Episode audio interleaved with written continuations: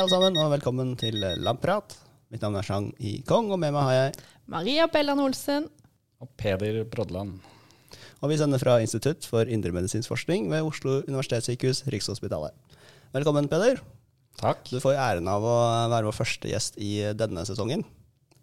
Faktisk være med i første episode av denne sesongen. Veldig hyggelig. Veldig hyggelig å ha deg her. Jeg pleier å se deg rundt uh, kaffetrakteren. Det er sånn stort sett der jeg møter deg. Ja, det blir noen kaffe hver dag. Ja. Men ellers er du på kontoret. Ja. Hva gjør du der? Jeg sitter og modellerer, da. Sitter på datamaskinen min hele dagen og prøver å Ja, skal vi si eh, Driver med noe som heter prediksjonsmodellering. Det er litt som å, å spå været, egentlig. Vi okay. bruker uh, informasjon om uh, ja, ting vi vet nå, til å si noe om hva som kommer til å skje i fremtiden. Eh, og da innenfor medisin så handler det ofte om å forutse hvordan det går med folk med forskjellige sykdommer. Så det kan være ja, å se på f.eks.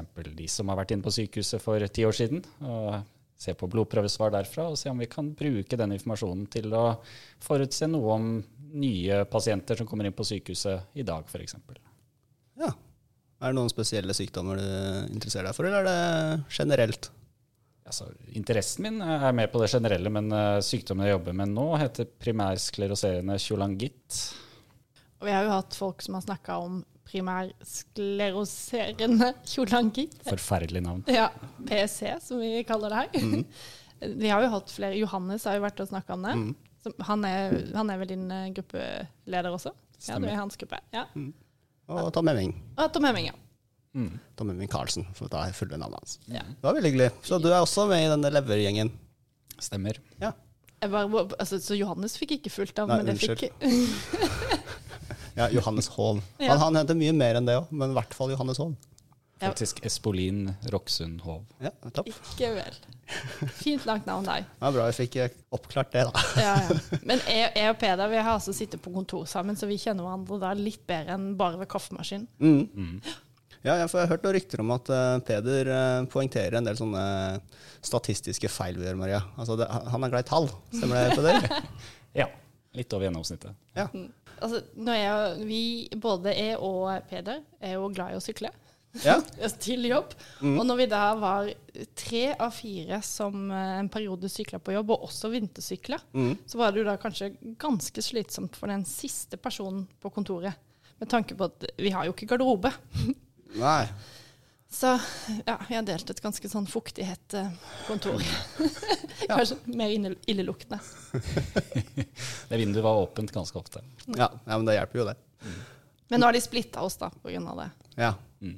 På grunn av det. Nei da. Men Peder, før vi begynner i gang, kan, eh, kan du fortelle litt om din bakgrunn og hvor du er i forskerkarrieren din? Jeg er da utdannet eh, biokjemiker fra NTNU. Uh, tok en doktorgrad på Radiumhospitalet, på avdeling for tumorbiologi. Um, og fikk i den perioden en eh, økende interesse for eh, bioinformatikk og biostatistikk. Så det er det jeg nå jobber med primært. Mm. Så du har på en måte beveget deg fra cellelaben og inn på PC-en. Det stemmer. Mm. Fra våtlab til tørrlab, som vi pleier å si. Helt riktig. Men eh, savner du våtlaben? Av og til gjør jeg det. det er, eh, noen ganger eh, er det jo godt å bruke, bruke hendene sine litt. Og litt sånn praktisk å få ting gjort. Mens man gjør på datamaskinen, så er det på en måte en ja, Det er noe man tar med seg hjem også, på en måte. Så det er litt mer en heltidsjobb. Mm. Skjønner. Men vi har invitert deg hit i dag, Peder, fordi eh, Maria, vi har jo eh, ofte referert til tabloide aviser som slår opp ting, eh, den store sensasjonen etter det andre, som vi forskere kanskje eh, rister litt på huet av. Ofte så kan det jo komme funn, eller blir slått opp funn i avisene. Mm. Så for eksempel den ene dagen er kaffe sunt, og den andre dagen er det ikke. Og da kan jo folk tenke at eh, vi forskere vi blir jo aldri enige med oss selv. Eller har forskning egentlig noe å si, eller er det bare tull og vas? Mm. Kan man egentlig stole på det forskerne kommer med? Ja. er det kanskje det vi er aller mest redd for. Hvis det blir for mange sånne oppslag, da. Ja. At vi ikke egentlig finner ut av noe. Og hvorfor, hvorfor er det sånn i mediene? Er det da fordi de overtolker resultatene? Det kan det jo være av og til. Mm. Definitivt. vi blir jo overlastet med informasjon om, som dere sier, kaffe, rødvin osv. At det skal ha helsebringende effekter, eller nå, nå er det plutselig blitt farlig. Det er jo delvis vår, vårt ansvar, tenker jeg, som forskere, men også journalistene, som kanskje på en måte dramatiserer litt og uh, overdriver. Ja, altså de vil, jo, de vil jo selvfølgelig ha en nyhet ut av dette her. Så jeg har, jeg har jo også vært, vært i avisa en gang, da. Jaha. Ja. Og da husker jeg den der fortvilelsen over at OK, vi hadde dette funnet. Det, det er litt artig, men de la det jo frem som at vi hadde funnet smertegenet, eller altså, hvis du skjønner. Mm. Mm. De, nyhetssaken blir jo mye større enn hva vi egentlig eh, føler vi kan stå for, da. Mm. Men eh, hva tenker du, Peder, når du ser en sånn studie type nå skal du drikke tre kopper kaffe hver dag? Et tips er å kanskje begynne å lese artikkelen i avisen fra bunnen og opp. For det er ofte nederst den viktige informasjonen kommer. Der står det om begrensninger, f.eks. Ja, men dette er forresten eh, begrenset til den og den gruppen mennesker. Eller dette var en studie gjort i Japan. Mm. Ja, det var et godt tips. Men føler du at eh, har det blitt mer av dette, eller begynner vi å på en måte lære oss å være skeptiske? Jeg tror ikke vi Altså man kan kreve at vanlige ikke-forskere skal kunne klare å filtrere den informasjonen. Mitt inntrykk er at det blir mer og mer av det. Mm. Det, det viser jo også altså, Hvis du ser på antall publiserte artikler i verden, så øker jo det nærmest eksponentielt. Mm. Man må alltid ha en sunn skepsis, da, egentlig. Eller man må, burde lære seg det, selv om det er vanskelig. Absolutt. Det er en god tommelfingerregel, det. Å ta ting med en klype salt. Men nå har vi jo nylig vært gjennom en pandemi. Folk er jo drittlei av pandemi, selvfølgelig, men vi må, vi må litt gjennom det. Uh, der uh, ble det jo spydd ut en haug med studier. Det er korrekt.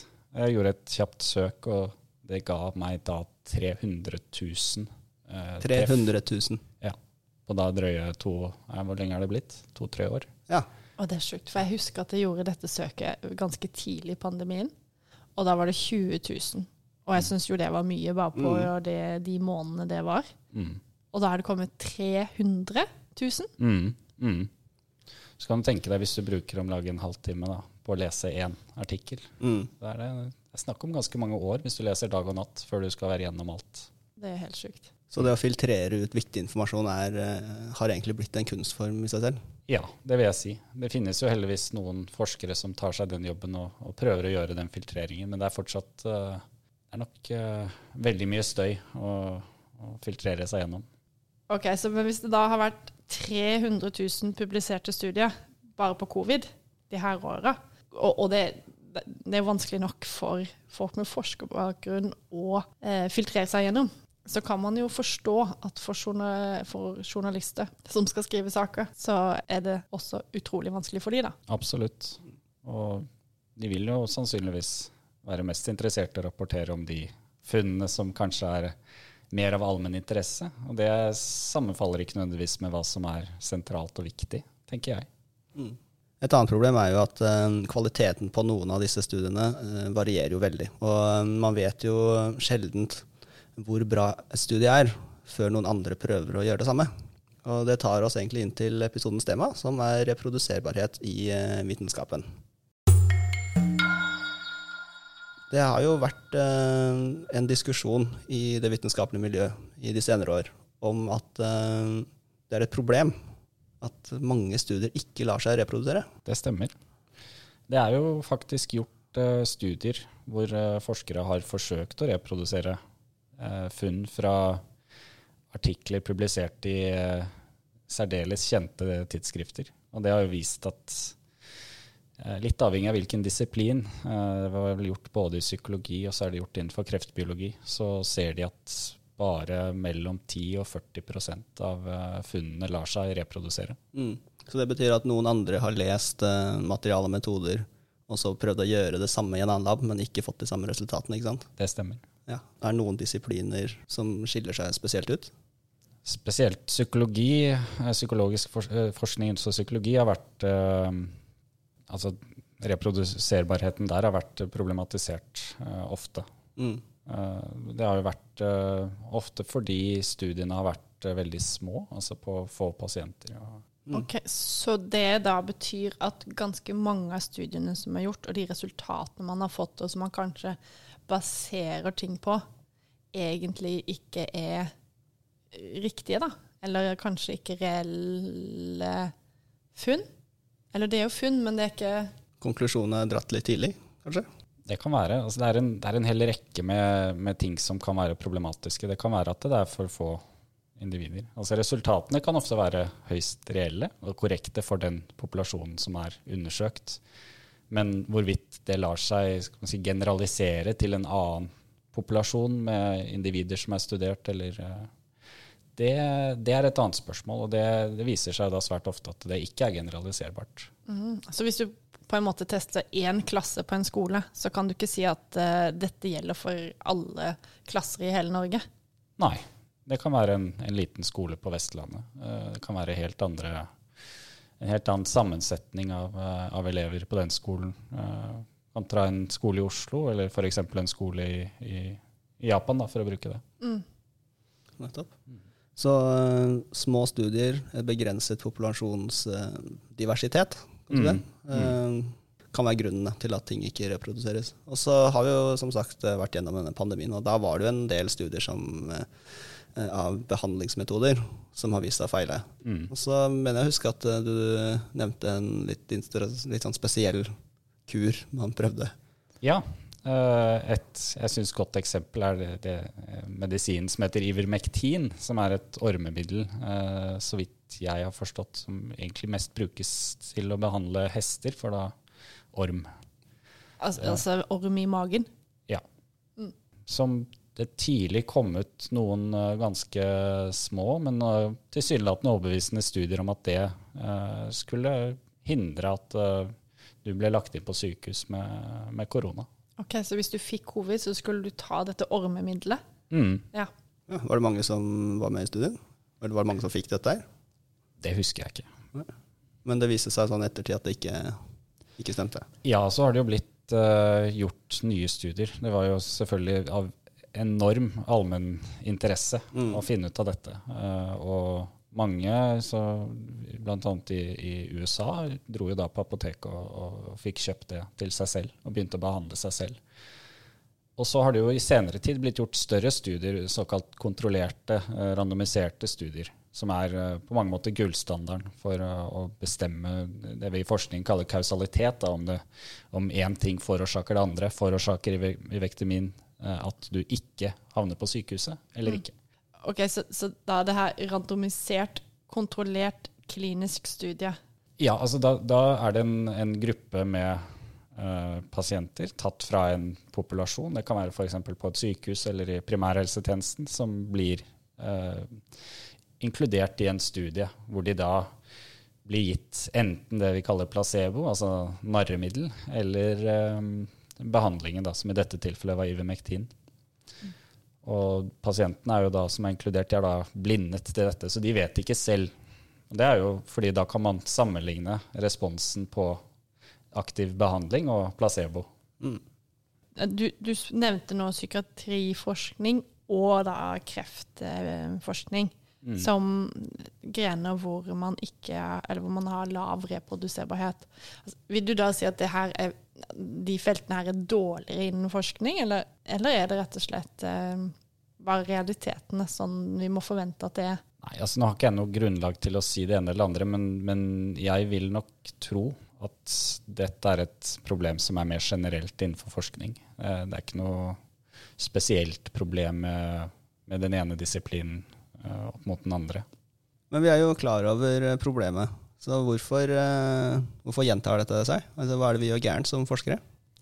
Altså for å bruke eksempelet med Ivermectin, så var jo dette en, en kanskje litt ekstraordinær situasjon der jaget etter å, å, finne noe var uh, veldig uh, reelt. Og det som da kan skje, er jo at man ender med å konkludere med noe som man kanskje ikke har basis for å konkludere med. Mm. Um, Fordi behovet for resultatet er så viktig, så du på en måte korter ned hele prosessen litt? Ja, kan ta noen snarveier. Det kan være at uh, man i begynnelsen hadde vi jo problemer med dette med testing. Det var veldig få tester tilgjengelig. Så veldig mange av de uh, pasientene som ble inkludert i disse studiene, var jo de som allerede hadde havnet på sykehus eh, og der blitt testet. Og, og det vil jo, har jo da sannsynligvis endret hvordan resultatene tolkes. Men er det et generelt problem? Altså, Covid var jo en spesiell situasjon. Der det var et, eh, et jag og en forventning kan man si, da, til at man skulle komme opp med noe. Men er det, sånn, når det ikke er pandemi, er det et generelt problem? Ja. Jeg vil si altså forskere er jo under konstant press eh, til å få resultater. Det er det hele vår si, forretningsmodell er bygget på, er at vi skal produsere forskning. Um, og en typisk forskningsvei i dag er jo at man skal ta en, en doktorgrad. Og vanlig er at man i løpet av en doktorgrad skal ha noe sånn én eller to, kanskje tre publiserte artikler i løpet av tre år. Som er eh, ekstremt utfordrende for veldig mange. Og det vil jo nødvendigvis føre til at man må gjøre ting raskt. Eh, trekke konklusjoner raskt. Ha lite tid til å planlegge hva man skal gjøre i forskningen sin. Men ja, så er det jo sånn videre i løpet òg. Hvis du skal få penger, så må du jo vise til at du har publisert noe spennende, eller at du har, har klart å få noe bra resultater tidligere. Mm. Så det er jo et, kanskje et, ja, et resultatjag, da. Mm. Ja, og så har man jo på en måte Vi har, vi har jo fått penger fra offentligheten. Fra, fra deg og meg. Vet du det? Så, så, vi føler vel at vi kanskje må vise at vi får til noe. Men eh, det er jo veldig mye funn som på en måte ikke er så revolusjonerende som vi gjør hver dag. Som folk ikke ser. Men er det noe sted å Hvordan får man vist hva vi egentlig gjør? Eller er det en måte for oss å vise at vi gjør den forskningen vi gjør, selv om vi ikke får de resultatene vi forventet? Ja, altså vi Både ja og nei. Uh, negative funn. Altså det vil si at man prøver å Man har en tanke om at noe er reelt, og så tester man det, og så finner man ut at det er ikke, ser ikke ut til at det er sånn. De negative funnene er uh, vanskeligere å publisere. Og dette er vist også uh, vitens med vitenskapelige metoder, at de rett og slett blir oftere da ikke akseptert for publikasjon. Ja. Av tidsskriftene. Ja. De syns det er kjedelig, så de, de gidder ikke å ta det inn. Nettopp. Så når du ser at fem studier har vist at uh, kaffe hindrer hjerte-karsykdom, så har ikke du tilgang til de kanskje 95 andre studiene som viser at det ikke er noen effekt. Og det er ikke fordi det ikke, at man ikke har lett nok, men de er rett og slett ikke publisert. Veldig ofte så vil de da ikke være publisert. Det er jo veldig synd, da. Absolutt.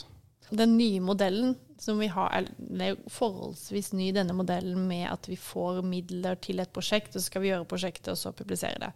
Og vi, ingen av oss har egentlig faste jobber. Det er jo en forholdsvis ny modell. Så eh, det kan jo være det, det, Vi har kanskje snakka om det før, at det positive her er at vi får litt nyskapende ting, og, og eh, vi må jo komme på morsomme ideer. Mens i gamle dager så hadde du liksom jobben din og kunne sitte og holde på med noe og teste det og teste det igjen og teste det igjen og igjen og igjen. Og igjen. Og hadde du et, da kunne du kanskje publisere én ting eller to ting i løpet av karrieren din, og det var nok. Mm.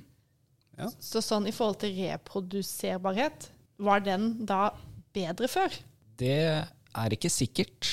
Um, disse forskerne som da satt i kanskje 10-15 år med å, å bevise noe, de ville jo også hatt den samme på en måte forutinntattheten som vi har i dag, om at det vi driver med er eh, riktig, at vi, vår hypotese, altså vår, eh, hva vi tror er reelt, er, eh, er faktisk reelt.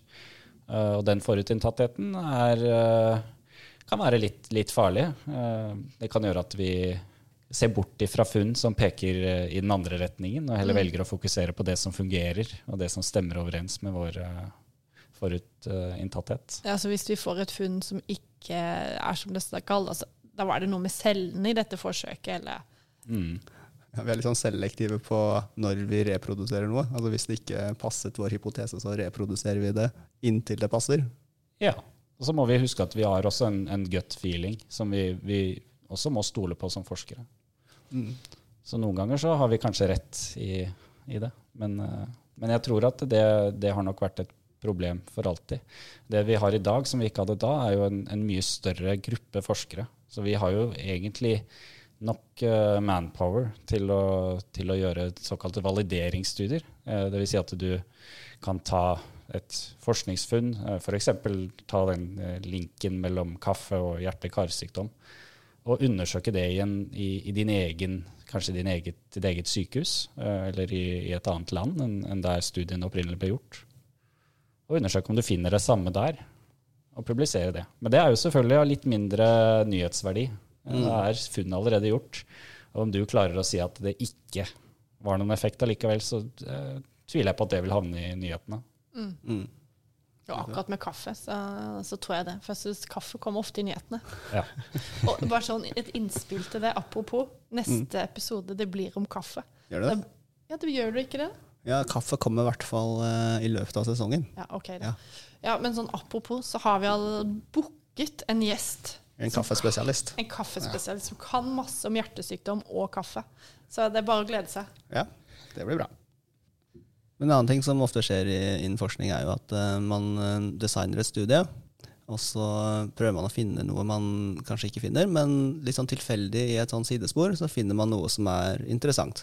F.eks. Uh, hvis man gjør en, la oss si en brystkreftstudie, og så har man et spørreskjema til masse brystkreftpasienter. Mm. Og så finner man at de som drikker rødvin daglig, har en bedre overlevelse enn de som ikke gjør det. Mm. Og så begynner man å studere dette og publisere dette. Hvilke problemer kan man støte på der? Mange forskjellige problemer. det er kanskje viktigste er jo dette med sporadiske funn, altså, eller mer eller mindre tilfeldige funn. når man har tatt, gjort et sånt spørreskjema, kan man kanskje se på veldig mange forskjellige ting. Det kan, som da kan involvere også, inkludere også rødvin. Um, og man tenker jo da kanskje at dette er reelt, og folk som leser denne studien, um, vil jo kanskje da ha, kanskje ha brystkreft, da vil tenke at kanskje jeg bør begynne å drikke rødvin. Uh, faren med dette er jo at uh, Eller ikke faren med det, men altså problemet med dette er at dette funnet er jo Eh, kanskje forklart av andre ting som eh, studieforfatterne ikke har tatt hensyn til. F.eks. så vil kanskje en rødvinsdrikker ofte være mer velstående og være ved generelt bedre helse enn en, en som ikke drikker rødvin. Og at det egentlig er det som forklarer effekten. Mm. Og igjen, med randomiserte, kontrollerte kliniske studier, så kan man undersøke dette uh, og undersøke om det er reproduserbart, da, faktisk. Ok, men eh, litt sånn i forbindelse med det her, da, så har jo du på kontoret snakka en del om For vi, vi, har snakket litt om dette her på kontoret. Jeg blir jo litt redd ja. Peder begynner mm. Han er, han er ganske streng.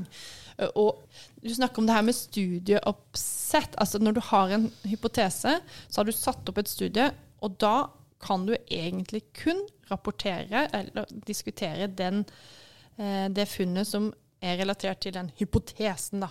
Mm. Var det litt innvikla?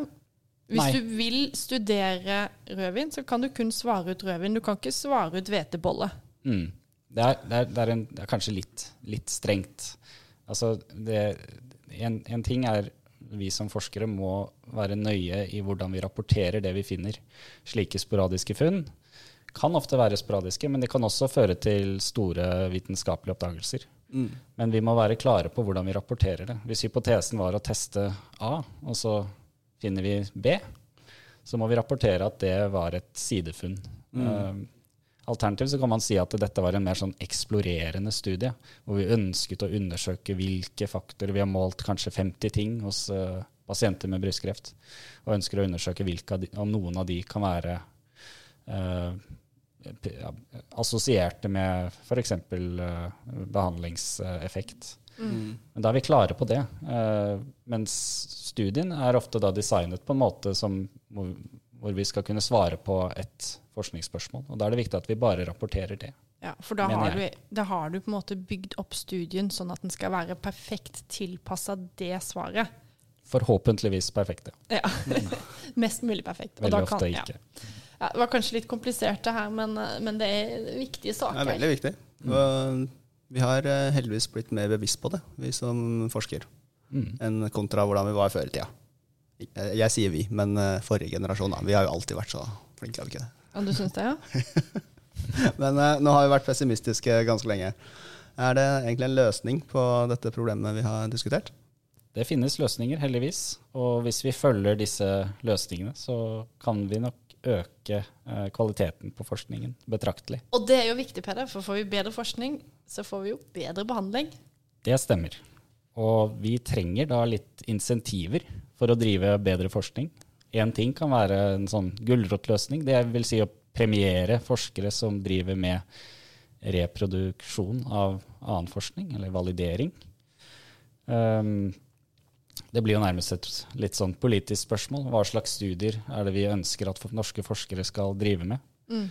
Um, til tross for at det er lavere nyhetsverdi ved disse reproduksjonsstudiene.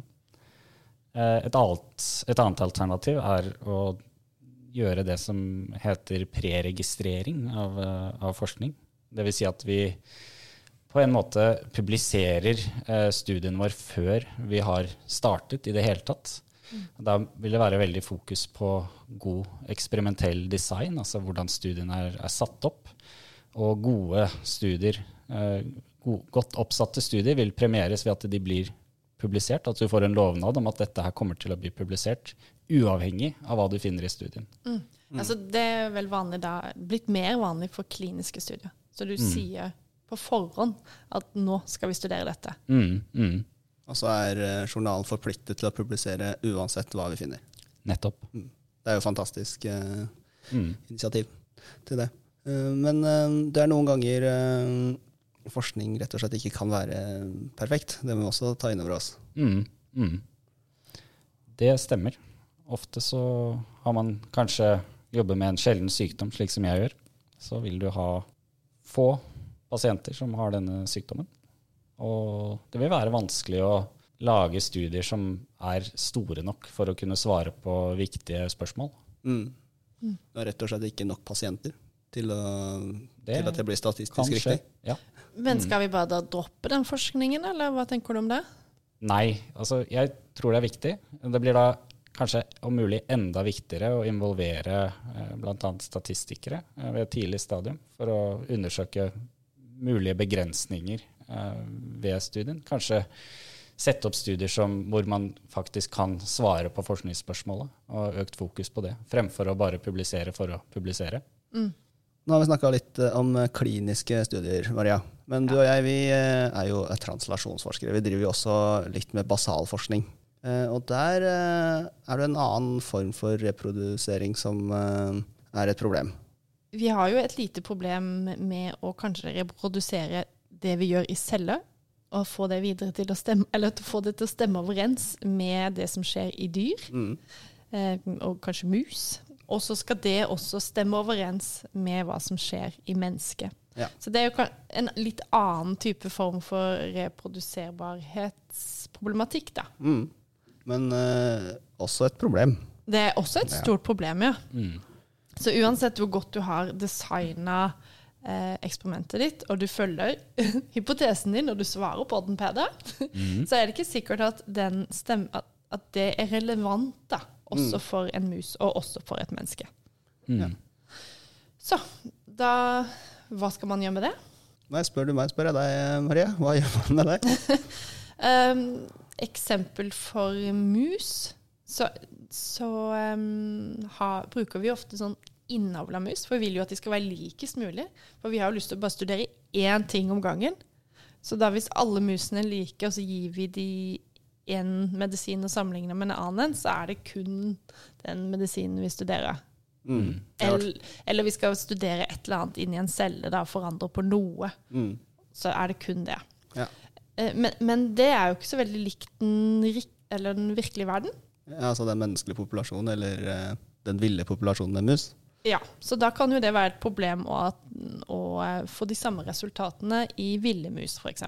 Mm. Mm.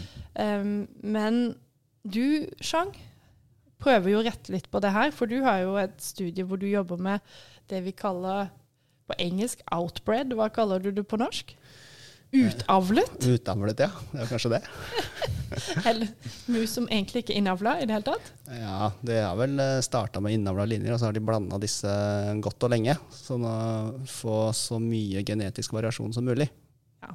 Genetisk variable mus. Men det er jo også det, det høres veldig flott ut, men det er jo òg en stor utfordring for det? Ja, absolutt. For um, når man tenker på kliniske studier med mennesker, så har man jo ofte tusenvis av uh, pasienter i studiegruppene sine. Fordi, nettopp fordi man er genetisk forskjellig. Mm. Og man må ha så stort antall for at det skal bli statistisk eh, grunnlag for å trekke konklusjoner. Eh, men det er klart at eh, 3000 mus er jo ikke håndterbart for, um, for oss. Så da blir det jo en, uh, en sånn gi og ta-situasjon. At vi må kutte ned på antallet, samtidig som vi må beholde så mange som mulig Mm. for å få sterkt noe statistisk grunnlag. Mm. Så vi har jo endt opp med 300 mus i denne studien, Mm. som er sånn på grensen av hva vi klarer å håndtere. Mm. Eh, Mens hadde vi jobba med en innavla linje, så hadde vi kanskje klart oss med 10-15. Ja. Men da hadde ikke svaret vi, det svaret vi får ut, hadde kanskje ikke kunnet generaliseres til eh, en eh, genetisk eh, populasjon. Ja, da, har- Mm. da har det litt mindre verdi, da. Nettopp. Så det er en himla stor jobb for du, da, som må sitte og jobbe med Ja, det er jo eh, det største oppsettet vi, jeg har vært med på, i hvert fall. mm. Um, Ja. En annen ting som eh, er litt artig med disse musene i forhold til eh, inbred og outbred og hva som er naturlig og ikke. Så jeg vet ikke om jeg har nevnt det før, men et sånt studie som de gjorde på mikrobiota. Um, og så at For de musene vi har nede på laben, de er jo rimelig like. Mm. Eh, og, og da mikrobiotaen i tarmen og på kroppen generelt er jo ganske lik. Og den tydeligvis ganske forskjellig fra den mikrobiotaen som finnes ute i den frie verden. Mm. Mm. Så da eh, et studie de har, jeg husker som jeg syntes var artig, var at de hadde sjekka type medisinske behandlinger som har på laben funka veldig bra. Og så når man har tatt det videre og forsøkt det på mennesker, um, så har det ikke funka. Mm. Mm. Så prøvde man da den samme type behandlingen på mus ute i det fri. Det var en mus fra sånne gårder de samla sammen. Ja. Og da fikk de det samme. Det funka ikke på de heller. Nei. Så tydeligvis hadde det vist seg at denne mikrobiotaen ute i fri har jo da mye å gjøre for immunsystemet, selvfølgelig. Mm. Så eh, immunsystemet til mus inne i laben og de ute på gårdene var ganske forskjellige. Og da var da musene ute på gårdene likere oss, Nettom. på et Mm. vis. Mm. Så vi burde egentlig fange mus på bondegårder og studere dem. Ja, men hvis du skal da ha 300 mus fra bondegårder, så blir det jo enda vanskeligere. Jo da. Men vil du da, Peder, si at det vi holder på med er helt unyttig? Hvis ikke vi har eh, 300 mus fra bondegårder? Nei. Jeg tenker at eh, det har veldig mye med hvordan eh, Eller hva vi ønsker å undersøke. Altså det med det vi kaller heterogenitet, altså stor variasjon mellom individer eller mellom mus eller celler. Det er jo på en måte veldig positivt uh, å, å bruke. Fordi du vil kunne da, hvis du observerer en effekt av en uh, medisin f.eks., så til tross for at det er så fors eh, stor forskjell på individene du tester det på, så tyder jo det på at det er en reell effekt. Uh, I de andre, uh, de andre tilfeller hvor du bruker da genetiske identiske mus, um, så vil du, kunne, du vil jo ikke få i like stor grad denne diversiteten. Men det kan være positivt for andre typer studier. Hvis du ønsker å undersøke en eller annen cellemekanisme, en eller annen prosess som foregår inni en celle, så er du kanskje ikke så interessert i uh, den diversiteten. Du ønsker å på en måte holde alle andre faktorer konstante. Mm. Du vil ha samme kjønn, du vil ha samme alder på musene, du vil ha samme ja, f.eks. sammensetning av tarmbakterier. Uh, og da vil du på en måte kunne isolere den effekten, altså den mekanismen eller prosessen som foregår i cellen, og kunne studere den i detalj. Mm. Så det er egentlig bare Begge ting er viktige. Absolutt. Lite skritt på veien som tar deg mot de større forsøkene. Mm.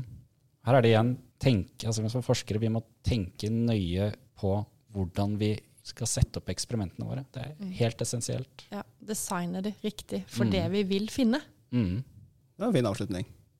Så da, Marie, er det jo kanskje tid for episodens eh, Eureka. Yes. Eh, ja, da er det tid for sesongens første Eureka. Ja, da er vi spent på hva du har funnet uh, denne gang. Ja, Uh, det her er jo et skikkelig spennende studie. Litt sånn eh, sci-fi, og kanskje litt sånn videreutvikling av uh, sauen Dolly. Ok? Skal vi klone? Nei, men mm, vi skal ikke klone, men oh, det vi skal i den gaten, da. Ok, nå er jeg spent. Ok, så i mars i år så ble det publisert en studie eh, der det for første gang ble født en mus fra et ubefrukta egg.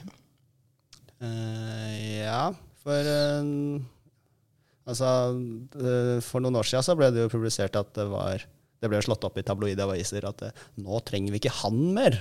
For, det. fordi da hadde de da, reprogrammert en eggcelle til å ligne på en sædcelle, og så fått den til å befrukte det, da en eggcelle. Men dette er noe annet. Å ja, ja, ja, for nå ble jeg litt skuffa. Nå tenkte jeg kanskje var, det ikke noe eureka, men ja, det er noe annet. Ok, ja, ok, ja men da er jeg spent. Ja. Nei, for nå har de da tatt dette egget, eh, og så har de klart å skru av og skru på genene i egget, Mhm. sånn at den har da videre utvikla seg til et foster. Så du trengte ikke sædceller. Ok, tre altså Fra den ene eggcellen klarte man å få det til å utvikle seg til et foster. Yes, du bare, du, man, ja, man skrudde på og av sædceller Nei, man skrudde på av gener inni eggcellen. Okay, og så ble det til et, foster. foster. Og da fra 200 egg mm. så, som klarte å utvikle seg, så ble 194 de ble putta inn i surrogatmødre, altså surrogat-musemødre. Mm. Og 14 av de ble gravide. Mm.